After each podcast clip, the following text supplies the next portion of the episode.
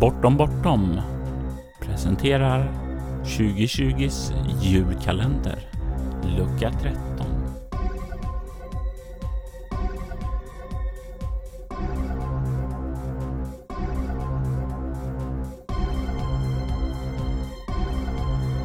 Bakgrundsmusiken i detta avsnitt gjordes av Derek and Brandon Fichter och vignettmusiken gjordes av Robert Jonsson.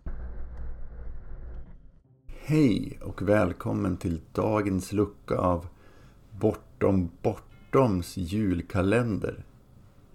Jag heter Petter Nallo från eh, rollspelsföretaget Helmgast. Och eh, kommer berätta om ett minne som rollspelen har gett mig. Det är otroligt svårt att välja. För jag har så många fina upplevelser. Allt från pilgrimsfärder i det jargiska kejsardömet i Eon.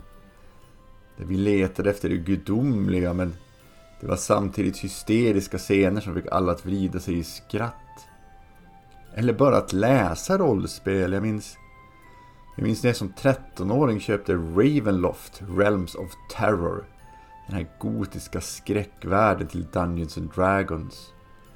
Och jag öppnade den här boxen och satt genom nätterna i mitt barndomshem och läste och tittade på kartorna och kollade på statsen på stradvampyren. Eller sentida episka kampanjer i Dark Ages Vampire. De hade som spelledare skapat massiva persongallerier, det var intriger och hemligheter som sträckte sig över decennier. En kampanj med passion och svek i medeltida Europa. Eller det här karga, frusna äventyrandet i Drakar och Demoner Trudvangs vidder där vi satt nätterna igenom i Göteborg och spelade och vi hade artisten Mortis med hans Dungeon-synt i bakgrunden. Eller spelveckorna där vi spelade Kult i Grängesberg vi, vi, vi, spelade tonåringar i början av 90-talet. Den här bro, bruksorten i förfall. Diskbänksrealism som blandades med andra världar. Så det finns så otroligt mycket att välja från för mig. Så otroligt mycket det har gett mig. Men jag har valt att berätta om själva skapandet av ett rollspel. Och i det här fallet var det när jag och mina vänner Anton, Niklas och Marco skapade E.ON 4. Och den här tiden är någonting som jag alltid kommer uppskatta.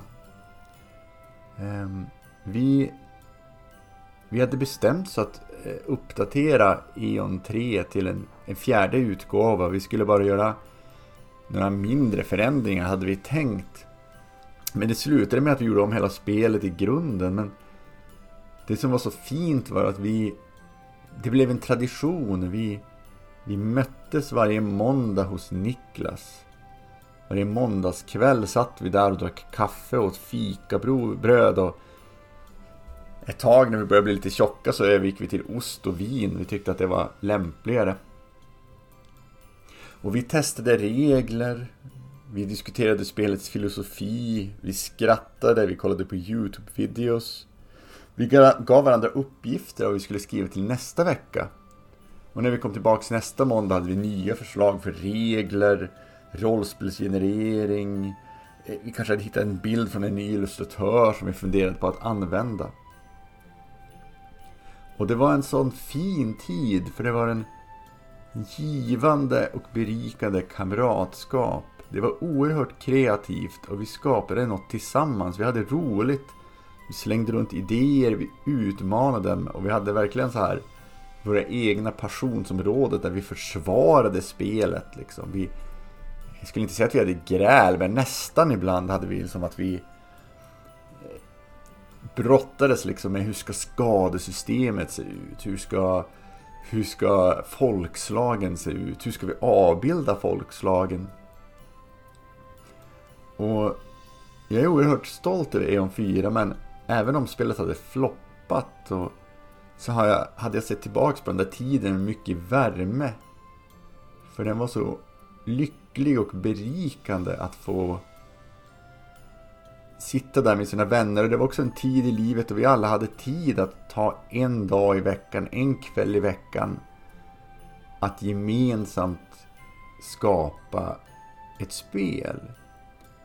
Um, så det är mitt minne. Det, det, det, är, det är någonting jag alltid kommer bära med mig. Det var, det var en kreativ process som var så, så givande. Och det är väl min, min, mitt tips också till de som kanske vill göra, göra sina egna rollspel eller skriva äventyr. Och det är att försök hitta någon att göra det med. Försök hitta någon att ha möten med, om så över, över nätet. Att ni har det varje vecka eller varannan vecka. Ni möts, ni tar tid att prata om livet. Dricka kaffe eller te eller läsk eller vin eller öl eller vad som helst. Och dissekera spelet, prata om vad spelet ska vara, vad det ska betyda. och Försöka ha roligt. Försöka bara njuta av det. Så det var mitt minne från skapandet av Eon 4. Jag hoppas ni får en juletid fylld med rollspel. Både att läsa dem och spela dem och skapa dem. Tack för mig.